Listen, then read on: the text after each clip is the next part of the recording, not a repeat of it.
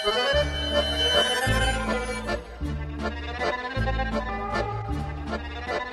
je naar echt achterland, trots en eigenwijs?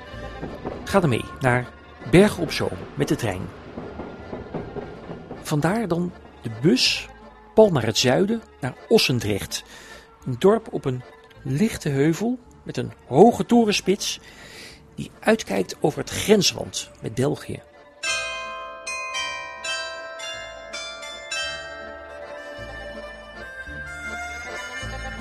Nu gaan we verder op de fiets, heuvel af, die diepte in. Net voor de Belgische grens passeren we eerst naaktcamping Athena. Athena ligt op 50 meter van de Belgische grens. Hier in de tijd gesticht door de vader van Vlaming Paul Lambrechts. Spreken dus van het jaar 1958. Vanwege het liberale nudismebeleid in Nederland. Dat iets makkelijker was, ja. Ja, maar dus inmiddels is dat, is dat ook achterhaald. Dat is, is al heel lang achterhaald, hè. Ja. Iedere week reed de jonge Paul met zijn ouders terug naar Antwerpen. En dan ging je eigenlijk naar de donkerte toe. De En donkerte. De donkerte.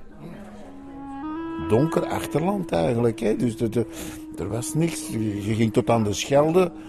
Van hier tot aan de Schelde was er helemaal niks. Hè. Dat was gewoon polder, polder, polder. Ben, ben je eigenlijk in een heel andere wereld. Hè. Dit is grensland. Waar de snelweg nooit een afslag heeft en de trein geen station. En helemaal op het eind, daar waar je niet dieper kan, daar leidt de weg je als in een fuik naar Taverne de Leeuw van Vlaanderen.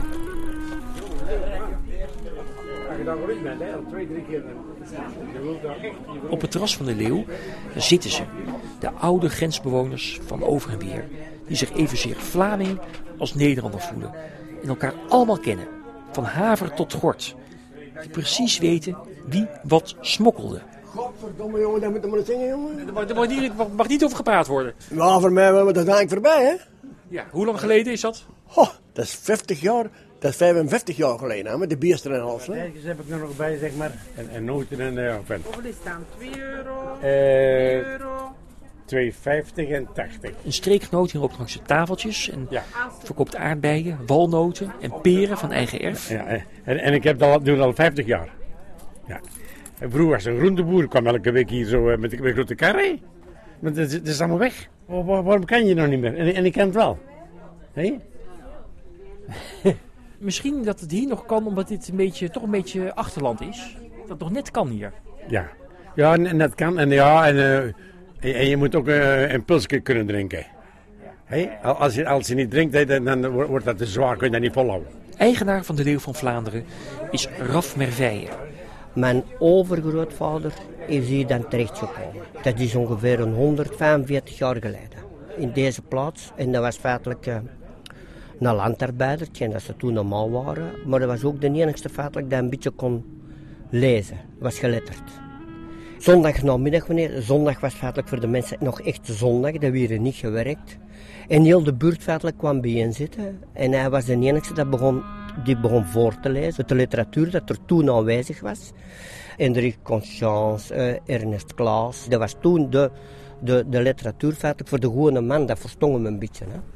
Mijn overgrootvader was ook in een dommer gezegd, godverdomme. Dat ik nu eens een bak bier zet, van meneer van. En ik, verko- ik, verkoop af en toe er eens een pintje. Hè. Konden de mensen een, een, een, een halve liter bier kopen, zo ging dat. En zo is feitelijk ook het ontstaan feitelijk van de Leeuw van Vlaanderen eh, begonnen. De Leeuw is taverne, maar ook nog boerenbedrijf. De aardappelen en het vlees op de kaart zijn van het eigen vruchtbare land, pal achter het café. Kijk, dat is allemaal hele zware klei hier. Hè? En de grens met Nederland, die grens die was een inkomstenbron. Een vergiet waar je iets doorheen kon persen. En dan was het aan de andere kant meer waard. Smokkelaars, hè?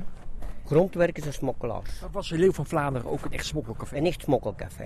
Ja, de bottersmokkelaars heb ik nog heel, als klein nog goed geweten. Van Nederland naar België. Om op boter. Ja, ja, ja, ja, ja. veel, bo- veel boter overgesmokkeld. Ja. Wat, was de, wat was de beste truc daarvoor? In een moederkeszak, hè? De moederkeszak. In de? Een moederkeszak. Wat is dat? Dat was eh, zo'n zak met twee linten aan in dat onder uw rok. Zo, zo smokkelde u boot. Ja, ja, ja, ja, ja. En ook heel veel de smokkelen van, van vee. Hè.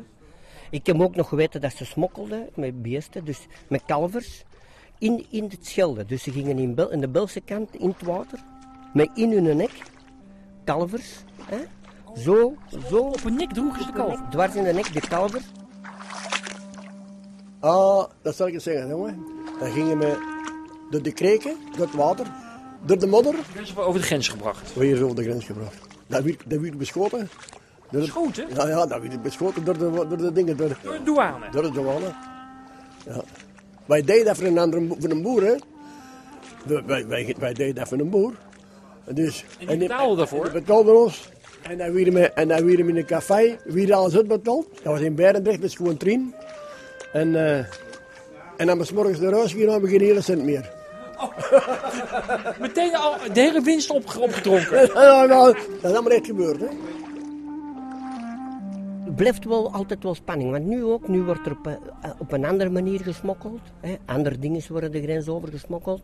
Hè. Bijvoorbeeld eh, drugs en, en al die toestanden. En wij merken toch wel altijd, ik zo, de goede mensen niet, maar ik zie altijd, oei, dat klopt hier niet. Wat doet die notte daar? Wat eh, verstaat zo, hè? Je weet, is ontsmokkelen. Ik voel dat gewoon aan. Ik voel dat nog wel aan, ja. Dat er gesmokkeld wordt. Er komt iemand eh, voorbij op een brommertje met een hele grote zak uien. Ja, die, nee, die komt uit de polder zitten en is gewoon eh, gaan rapen. Die, is weg. Ja, die is clandestien gaan rapen. Hè. Want je kan de zien, ze hebben verteld. Ja, want wa- waarom zou iemand met een, met een zak vol met uien op een brommertje gaan Die rijden? is weg. Dus die heeft eigenlijk uien, uien gestroopt. Gestroopt, ja. En, en smokkelt ze nu de grens over misschien? Ja, dat kan.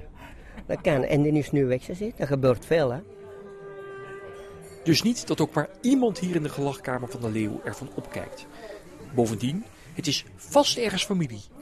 Kijk, daar zit Staf de Lie. Uit een geslacht dat hier al honderden jaren woont. Men ging naar de kermissen in de verschillende dorpen. Ah, over en weer, aan weerszijden van de grens. Aan de weerszijde van de grens, eh, inderdaad. En daar leerde men dus ook een eh, kermislief kennen. En eh, zo kwam men veel meer in contact met elkaar. En men trouwde ook over de grens heen. J'aime la foire, oh pour trois sous, l'on peut se faire tourner la tête Geldt dat ook voor u? Nee, voor mijzelf niet, want eh, ik heb wel eens eh, eh, met een, eh, een, een nichtje eh gevreden. En eh, Een nichtje van over de grens. een nichtje van over de grens van Ossendrecht. En eh, eh, de spreuk indachtig waarschijnlijk, nicht en kozijn vrijt fijn.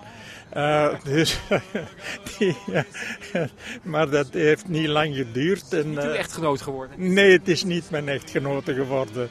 Eh, dat is een meisje uit Zandvliet geweest. Sur les manèges aux chevaux roux, au son d'une musique bête la la. Zo dik was de band tussen België en Nederlanders dat zelfs de Eerste Wereldoorlog geen wicht kon drijven.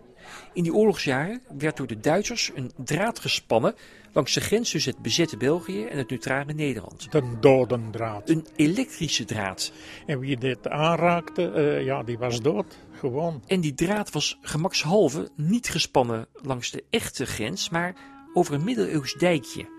Pal naast de Leeuw van Vlaanderen, waardoor het café opeens niet meer in België lag, maar in een soort niemandsland. Eh, dit gehuchtje was afgesneden. Daar waren kinderen. En die moesten hun, hun communie doen. Hun plechtige communie.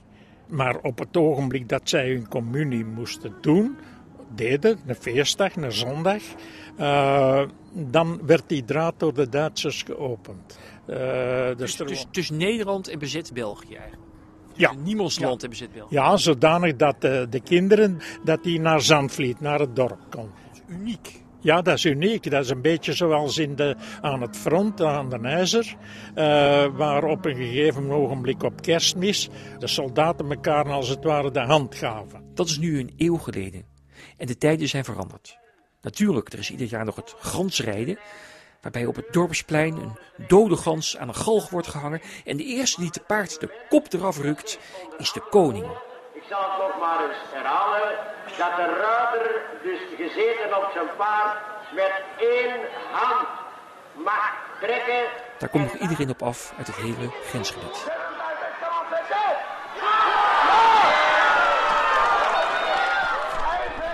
Maar verder?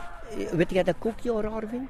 Nu de jeugd, ik merk dat de jeugd, een afstand van de jeugd, in meer afstand, laat, in onze tijd. De, de uitwisseling is, is, is ik, ik zeg het, ik ken, momenteel ken ik niemand niet. Van, van voor in de twintig die dat feitelijk eh, met, met Van Zandvliet, een jongen van Zandvliet, dat feitelijk met een meisje van Ossendrecht en andersom. En vroeger was dat heel normaal. Is de scheiding nu sterker dan vroeger? De scheiding is sterker dan vroeger. Ik, ik, ken moment, ik, ja, ik begrijp het ook niet, dat is heel raar. Maar de grens wordt dus steeds harder, zeg. Een hardere lijn wordt dat, lijkt het wel. Ja, nou? ja, een denkbeeldige lijn. Daar komt nog bij dat de Leeuw van Vlaanderen langzaam wordt ingeschoten door de fabrieken van Antwerpen. Die, kijk, hier zitten nog twee grote torens van BASF. Ja, ja, ja. ja. En dan daarover, de koeltorens van, van Doel kunnen zien, is van Ginder. Verdwijnt dit oude achterland langzaam onder de industrie en de windmolens, die ook staan gepland pal naast de Leeuw van Vlaanderen? Misschien. Maar voorlopig weet de nieuwe tijd ook nog geen raad met deze uithoek. Want hoe kan het anders? Dat hier steeds vrachtwagens stranden, die eigenlijk in de Antwerpse haven moeten zijn. Misleid door een GPS-navigatiesysteem. Die Oost-Europese vrachtwagenchauffeurs, die, die, die rijden echt zuiver op hun GPS en die zien zelfs niet, oké, dat klopt hier niet. Kom ik hier helemaal op de buiten of is toch in fabrieken? Je kunt moeilijk met een tractor zo'n volgeladen camion in het zand of zo eruit trekken. Och, die staan er helemaal vast, staan ze dan. Ja, tuurlijk. Ze gebeurde ook dat ze helemaal vastgereden waren. Dat is echt door blijven rijden tot in het zand. Ja, helemaal, helemaal in het achterland verschrikt geraakt. En, en, en, en, en En Russen, Oekraïners, van, van alle landen, hè. Hier gestrand. Hier gestrand, ja. En eh, klopt ze ook bij u aan? Belt ze bij u aan als niet meer Ja, wist? 24 uur, eh, dat je dan om een uur of twee, drie in je bed ligt en om vijf uur staat er een vrachtwagenchauffeur op de raam te kloppen. En Raf heeft al zo weinig geslapen. Zo'n bedrijfje als, als dit, feitelijk ja. Ik weet het niet. is heel hard werken, 15, 16, 17 uur tot 20 uur per dag. Met je zaak bezig zijn. Maar dat is ook een gewoonte, feitelijk. Daar heb ik geen enkel probleem mee. Maar gelukkig heeft hij ook wijsheid. Ik zal het ik zou zeggen, De oude wijsheid van dit achterland. wanneer dat je het op een eigen manier doet, doe, dan doe je het graag. Dan kun je het ook een paar jaar langer. Eh, mijn, mijn grootvader zei altijd tegen mij, je moet niet kijken naar een ander. Hoe dat die het doen. Die hoogvliegers, die kunnen nu... Je moet het op een eigen manier doen. Dus nooit doe je tien jaar langer erover, dan heb je evenveel, zei hij altijd. En dan kun je het volhouden ook. Want de, de mensen leven onder ontzettende druk. En ik probeer dat wel een beetje af. Ik werk heel hard, maar ik heb, ik, ik heb geen moderne druk.